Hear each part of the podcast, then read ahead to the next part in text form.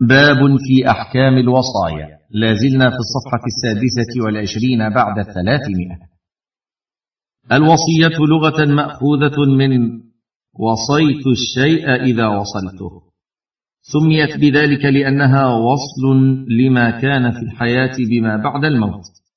لأن الموصي وصل بعد التصرف الجائز له في حياته ليستمر بعد موته.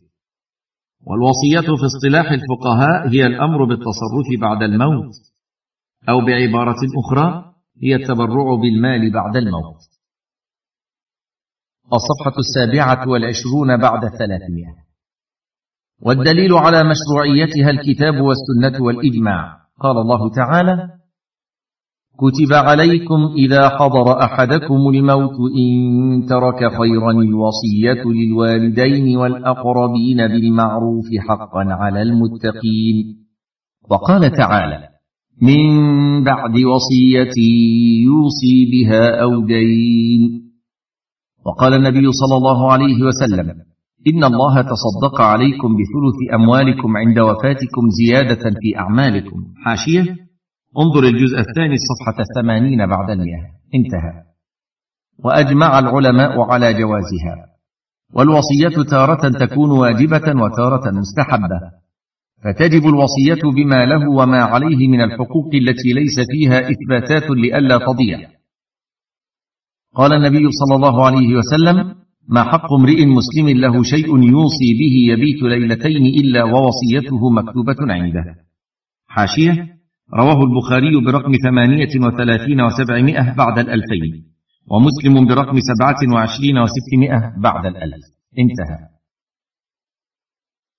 فإذا كان عنده ودائع للناس أو في ذمته حقوق لهم وجب عليه أن يكتبها ويبينها. وتكون الوصية مستحبة بأن يوصي بشيء من ماله يصرف في سبل البر والإحسان ليصل إليه ثوابه بعد وفاته. فقد أذن له الشارع بالتصرف عند الموت بثلث المال وهذا من لطف الله بعباده لتكثير الأعمال الصالحة لهم. وتصح الوصية حتى من الصبي العاقل كما تصح منه الصلاة وتثبت بالإشهاد وبالكتابة المعروفة بخط الموصي. ومن أحكام الوصية أنها تجوز بحدود ثلث المال فأقل. وبعض العلماء يستحب ألا تبلغ الثلث. فقد ورد عن أبي بكر الصديق وعلي بن أبي طالب وعبد الله بن عباس رضي الله عنهم لا زلنا في الصفحة السابعة والعشرين بعد الثلاثمائة. فقد قال أبو بكر رضي الله عنه رضيت بما رضي الله به لنفسه يعني في قوله تعالى واعلموا أنما غنمتم من شيء فأن لله خمسه. وقال علي رضي الله عنه لأن أوصي بالخمس أحب إلي من أن أوصي بالربع. وقال ابن عباس رضي الله عنه لو أن الناس غضوا من الثلث إلى الربع فإن رسول الله صلى الله عليه وسلم قال الثلث والثلث كثير. حاشية رواه البخاري برقم ثلاثة وأربعين وسبعمائة بعد الألفين ومسلم برقم تسعة وعشرين وستمائة بعد الألف مع قول ابن عباس. انتهى. ولا تجوز الوصية بأكثر من الثلث لمن له وارث إلا بإجازة الورثة لأن ما زاد على الثلث حق لهم فإذا أجازوا الزيادة عليه صح ذلك وتعتبر إجازتهم لها بعد الموت. ومن أحكام الوصايا أنها لا تصح لأحد من الورثة لقوله صلى الله عليه وسلم لا وصية لوارث. رواه أحمد وأبو داود والترمذي وحسنه وله شواهد. حاشية الترمذي برقم واحد وعشرين ومائة بعد الألفين وأبو داود برقم سبعين وثمانمائة بعد الألفين وابن ماجة برقم اثني عشر وسبعمائة بعد الألفين والنسائي برقم ثمانية وستين وأربعمائة بعد ستة آلاف. وأحمد في الجزء الرابع الصفحة السادسة والثمانين والمئة. قال ابن كثير ثبت في الحديث الصحيح فذكره. قال الحافظ مجموع الطرق يقتضي أن للحديث أصلا. انتهت الحاشية. وقال الشيخ تقي الدين اتفقت الأمة عليه الصفحة الثامنة والعشرون بعد الثلاثمائة. وذكر الشافعي أنه متواتر فقال وجدنا أهل الفتيا ومن حفظنا عنهم من أهل العلم بالمغازي من قريش وغيرهم لا يختلفون أن النبي صلى الله عليه وسلم قال عام الفتح لا وصية لوارث. ويأثرونه عمن لقوه من أهل العلم إلا إذا أجاز الورثة الوصية للوارث فإنما تصح لأن الحق لهم. وتعتبر صحة إجازتهم الوصية بالزيادة على الثلث لغير الوارث. وإجازتهم الوصية للوارث إذا كانت الإجازة صادرة منهم في مرض موت الموصي أو بعد وفاته. ومن أحكام الوصية أنها إنما تستحب في حق من له مال كثير ووارثه غير محتاج لقوله تعالى كتب عليكم إذا حضر أحدكم الموت إن ترك خيرا الوصية والخير هو المال الكثير عرفا. فتكره وصية من ماله قليل ووارثه محتاج. لأنه يكون بذلك قد عدل عن أقاربه المحاويج إلى الأجانب. ولقوله صلى الله عليه وسلم لسعد بن أبي وقاص إنك إن تذر ورثتك أغنياء خير من أن تذرهم عالة يتكففون الناس. حاشية؟ رواه البخاري برقم خمسة وتسعين ومائتين بعد الألف ومسلم برقم ثمانية وعشرين وستمائة بعد الألف. انتهى. وقال الشعبي ما من مال أعظم أجرا من مال يتركه الرجل لولده ويغنيهم به عن الناس. وقال علي لرجل إنما تركت شيئا يسيرا فدعه لورثتك وكان كثير من أصحاب النبي صلى الله عليه وسلم لم يوصوا. وإذا كان قصد الموصي المضارة بالوارث ومضايقته فإن ذلك يحرم عليه ويأثم به. لقوله تعالى غير مضار. وفي الحديث إن الرجل لا يعمل بطاعات الله ستين سنة ثم يحضره الموت فيضار في الوصية فتجب له النار. عاشية؟ رواه أبو داود برقم سبعة وستين وثمانمائة بعد الألفين والترمذي برقم سبعة عشر ومائة بعد الألفين وقال حسن غريب. وابن ماجه برقم أربعة وسبعمائة بعد الألفين. انتهى. وقال ابن عباس الإضرار في الوصية من الكبائر. وقال الإمام الشوكاني رحمه الله قوله غير مضار ان يوصي حال كونه غير مضار لورثته بوجه من وجوه الضرار كأن يقر بشيء ليس عليه أو يوصي بوصية لا مقصد له فيها إلا الإضرار بالورثة أو يوصي لوارث مطلقا أو لغيره بزيادة على الثلث ولم تجزه الورثة. وهذا القيد أعني قوله غير مضار راجع إلى الوصية والدين المذكورين فهو قيد لهما. فما صدر من الإقرارات بالديون أو الوصايا المنهي عنها أو التي لا مقصد لصاحبها إلا المضارة لورثته فهو باطل مردود لا ينفذ منه شيء لا الثلث ولا دونه. انتهى كلام الشوكاني رحمه الله. ومن أحكام الوصايا جواز الوصية بكل المال لمن لا وارث له. لقول النبي صلى الله عليه وسلم إنك إن تذر ورثتك أغنياء خير من أن تذرهم عالة يتكففون الناس. حاشيه رواه البخاري برقم خمسة وتسعين ومائتين بعد الألف ومسلم برقم ثمانية وعشرين وستمائة بعد الألف. انتهى.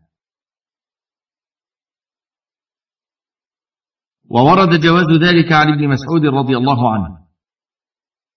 وقال به جمع من العلماء لأن المنع من الوصية بما زاد عن الثلث لأجل حق الورثة. فإذا عدموا زال المانع لأنه لم يتعلق به حق وارث ولا غريم فأشبه ما لو تصدق بماله في حال صحته. الصفحة التاسعة والعشرون بعد الثلاثمائة. قال الإمام ابن القيم. حاشية. في إعلام الموقعين في الجزء الرابع الصفحة التاسعة والثلاثين انتهى. الصحيح أن ذلك له لأنه إنما منعه الشارع فيما زاد على الثلث إذا كان له ورثة. فمن لا وارث له لا يعترض عليه فيما صنع في ماله. انتهى كلام ابن القيم. ومن أحكام الوصايا أنه إذا لم يف ثلث مال الموصي بها ولم تجز الورثة الزيادة على الثلث فإن النقص يدخل على الجميع بالقسط فيتحاصون ولا فرق بين متقدمها ومتأخرها لأنها كلها تبرع بعد الموت فوجبت دفعة واحدة تساوى أصحابها في الأصل وتفاوتوا في المقدار فوجبت المحاصة كمسائل العول في الفرائض إذا زادت على أصل المسألة.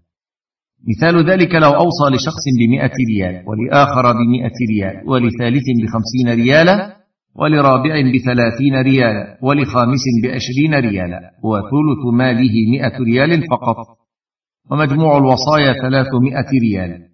فإذا نسبت مبلغ الثلث إلى مبلغ مجموع الوصايا بلغ ثلثه فيعطى كل واحد ثلث ما أوصى له به فقط. ومن أحكام الوصايا أن الاعتبار بصحتها وعدم صحتها بحالة الموت.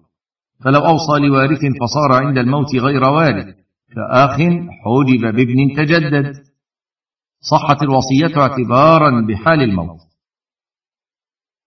لأنه الحال الذي يحصل به الانتقال إلى الوارث والموصى له. وبعكس ذلك لو أوصى لغير وارث فصار عند الموت وارثا فإنها لا تصح الوصية كما لو أوصى لأخيه مع وجود ابنه حال الوصية. ثم مات ابنه. فإنها تبطل الوصية إن لم تجزها الورثة لأن أخاه صار عند الموت وارثا ويترتب على هذا الحكم أيضا أنه لا يصح قبول الوصية ولا يملك الموصى له العين الموصى بها إلا بعد موت الموصي لأن ذلك وقت ثبوت حقه ولا يصح القبول قبل موت الموصي. قال الموفق حاشية في المغني في الجزء السادس الصفحة الرابعة والستين. انتهى. لا نعلم خلافا بين أهل العلم في أن اعتبار الوصية بالموت وإن كانت الوصية لغير معين كالفقراء والمساكين أو من لا يمكن حصرهم كبني تميم أو على مصلحة كالمساجد لم تفتقر إلى قبول ولزمت بمجرد الموت. أما إذا كانت على معين فإنها تلزم بالقبول بعد الموت. لا زلنا في الصفحة التاسعة والعشرين بعد الثلاثمائة ومن أحكام الوصية أنه يجوز للموصي الرجوع فيها ونقضها أو الرجوع في بعضها. لقول عمر يغير الرجل ما شاء من وصيته. وهذا متفق عليه بين أهل العلم. فإذا قال رجعت في وصيتي أو أبطلتها ونحو ذلك بطلت. لما سبق من أن الاعتبار بحالة موت الموصي من حيث القبول ولزوم الوصية. فكذلك للموصي أن يرجع عنها في حياته. الصفحة الثلاثون بعد الثلاثمائة. فلو قال إن قدم زيد فله ما وصيت به لعمرو فقدم زيد في حياة الموصي فالوصية له. ويكون الموصي بذلك قد رجع عن الوصية لعمرو وإن لم يقدم زيد إلا بعد وفاة الموصي فالوصية لعمرو لأنه لما مات الموصي قبل قدومه استقرت الوصية للأول وهو عمرو ومن أحكام الوصية أنه يخرج الواجب في تركة الميت من الديون والواجبات الشرعية كالزكاة والحج والنذور والكفارات أولا وإن لم يوص به. لقوله تعالى من بعد وصية يوصي بها أو دين ولقول علي رضي الله عنه قضى رسول الله صلى الله عليه وسلم بالدين قبل الوصية رواه الترمذي وأحمد وغيره. حاشية. رواه أحمد في الجزء الأول الصفحة التاسعة والسبعين والترمذي برقم أربعة وتسعين بعد الألفين. وابن ماجه برقم خمسة عشر وسبعمائة بعد الألفين. وضعفه البيهقي في الجزء السادس الصفحة السابعة والستين بعد المئتين. والحافظ في الفتح في الجزء الخامس الصفحة السابعة والسبعين بعد الثلاثمائة. وقال علقه البخاري وكأنه اعتمد عليه لاعتضاده بالاتفاق على مقتضاه. انتهت الحاشية. فدل على تقديم الدين على الوصية وفي الصحيح اقض الله والله أحق بالوفاء. حاشية. البخاري برقم 52 و800 بعد الألف. انتهى. فيبدأ بالدين ثم الوصية ثم الإرث بالإجماع. والحكمة في تقديم ذكر الوصية على الدين في الآية الكريمة. وإن كانت تتأخر عنه في التنفيذ أنها لما أشبهت الميراث في كونها بلا عوض كان في إخراجها مشقة على الوارث فقدمت في الذكر حثا على إخراجها واهتماما بها. وجيء بكلمة أو التي للتسوية فيستويان في الاهتمام وإن كان الدين مقدما عليها. ومن هنا فإن أمر الوصية مهم حيث نوه الله بشأنها في كتابه الكريم وقدمها في الذكر على غيرها اهتماما بها وحثا على تنفيذها ما دامت تتمشى على الوجه المشروع. وقد توعد الله من تساهل بشأنها أو غير فيها وبدل من غير مسوغ شرعي. فقال سبحانه فمن بدله بعدما سمعه فإنما إثمه على الذين يبدلونه. إن الله سميع عليم.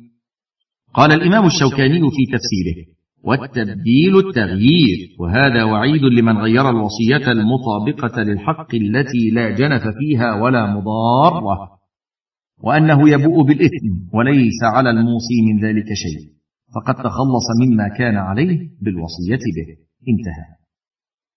ومن أحكام الوصية صحتها لكل شخص يصح تملكه سواء كان مسلما أو كافرا. لقوله تعالى الا ان تفعلوا إلى اوليائكم معروفا. قال محمد بن الحنفية هو وصية المسلم لليهودي والنصراني. وقد كسى عمر بن الخطاب رضي الله عنه أخا له وهو مشرك. وأسماء وصلت أمها وهي راغبة عن الإسلام. وصفية أم المؤمنين أوصت بثلثها لأخ لها يهودي.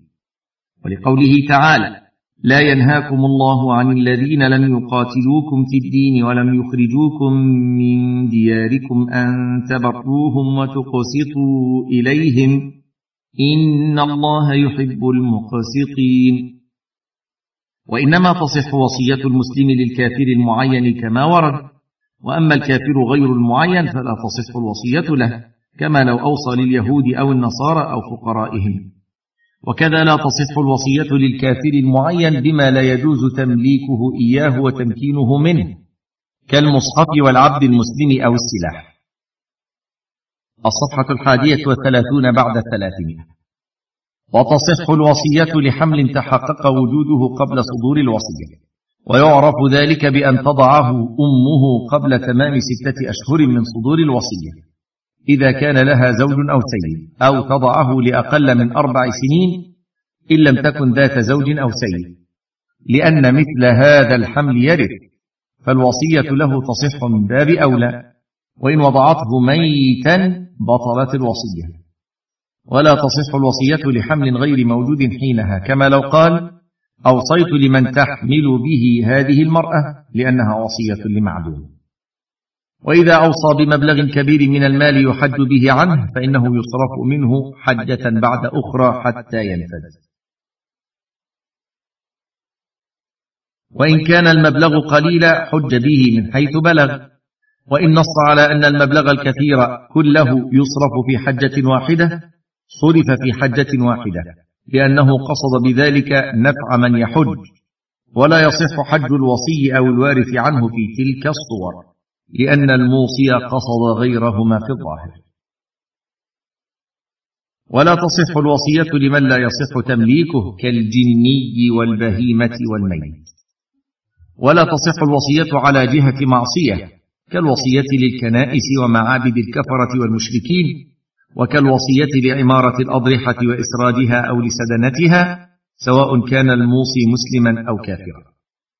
قال شيخ الإسلام ابن تيمية لو حبس الذمي من مال نفسه شيئا على معابدهم لم يجز للمسلمين الحكم بصحته لأنه لا يجوز لهم الحكم إلا بما أنزل الله ومما أنزل الله ألا يتعاونوا على شيء من الكفر والفسوق والعصيان.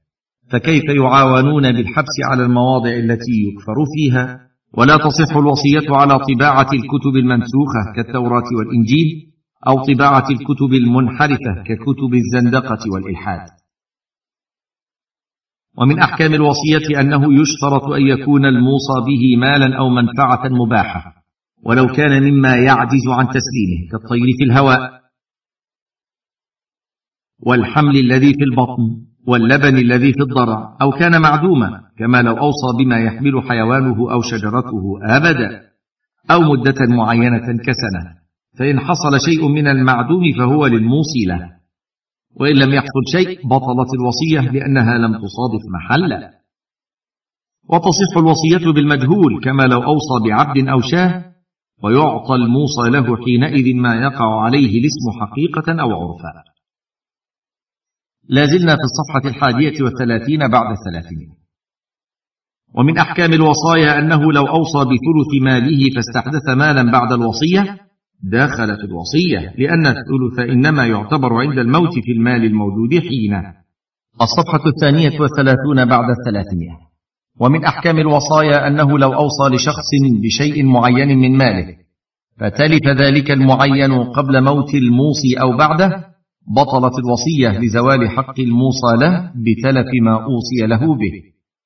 ومن أحكام الوصايا أنه إذا لم يحدد مقدار الموصى به كما لو أوصى بسهم من ماله فإنه يفسر بالسدس لأن السهم في كلام العرب هو السدس. وبه قال علي وابن مسعود ولأن السدس أقل سهم مفروض فتنصرف الوصية إليه. وإن أوصى بشيء من ماله ولم يبين مقداره فإن الوارث يعطي الموصى له ما شاء مما يتمول لأن الشيء لا حد له في اللغة ولا في الشرع فيصدق على أقل شيء يتمول وما لا يتمول لا يحصل به المقصود. والله أعلم. أحكام الموصى إليه الناظر على الوصية وغيرها. الموصى إليه هو المأمور بالتصرف بعد الموت في المال وغيره مما للموصي التصرف فيه حال الحياة. وتدخله النيابة لأن الموصى إليه نائب عن الموصي في ذلك. ودخول الموصى إليه في تلك النيابة وقبوله لها مندوب إليه وقربة يثاب عليها. لكن ذلك يشرع لمن عنده المقدرة على العمل ويجد من نفسه توفر الأمانة. لقوله تعالى وتعاونوا على البر والتقوى. وقوله صلى الله عليه وسلم والله في عون العبد ما دام العبد في عون أخيه. حاشيه رواه مسلم برقم تسعة وتسعين وستمائة بعد الألفين. انتهى. ولفعل الصحابة رضي الله عنهم. فقد أوصى إلى الزبير رضي الله عنه جماعة من الصحابة. وأوصى أبو عبيدة إلى عمر رضي الله عنه. وأوصى عمر إلى بنته حفصة رضي الله عنها ثم إلى الأكابر من ولده. وأما من لا يقوى على القيام على الوصية أو لا يأمن نفسه على حفظها فلا يجوز له الدخول في الوصاية. ويشترط في الموصى إليه أن يكون مسلما فلا يصح الايصاء إلى كافر.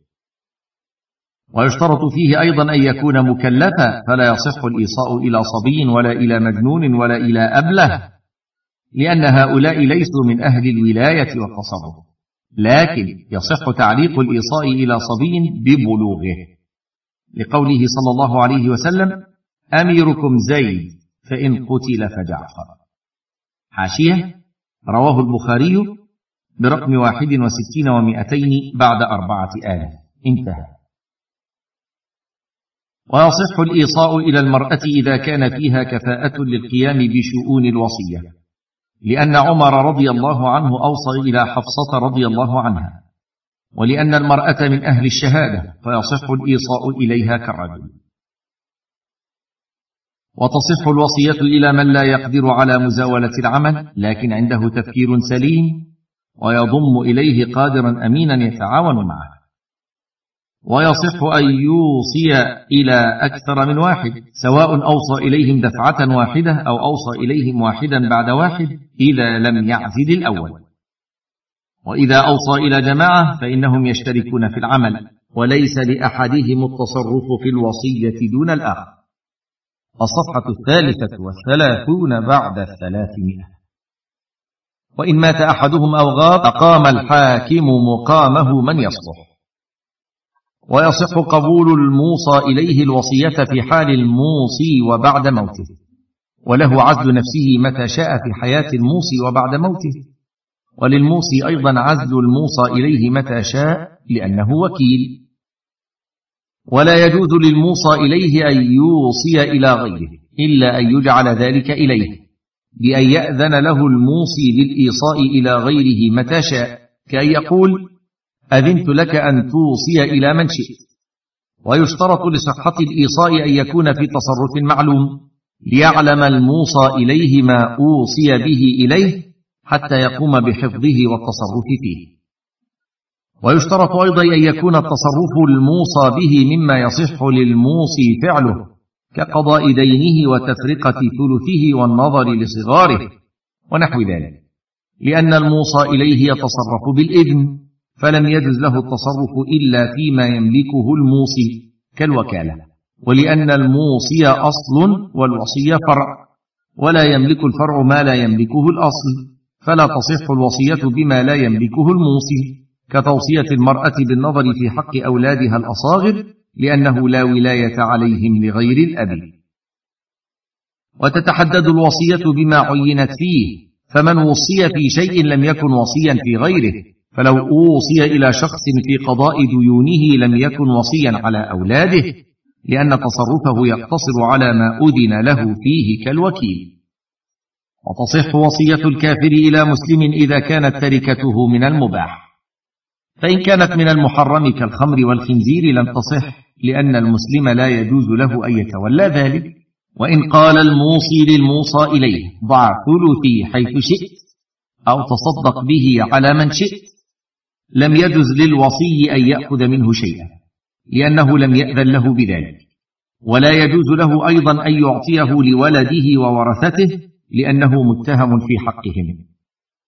ومن أحكام الوصايا أن من مات بمكان لا حاكم فيه ولا وصي كمن مات في برية جاز لبعض من حضره من المسلمين تولي تركته وعمل الأصلح من بيع وغيره. لأنه موضع ضرورة إذ في تركه إتلاف له وحفظه من فروض الكفايات ويكفنه ويجهزه من تركته.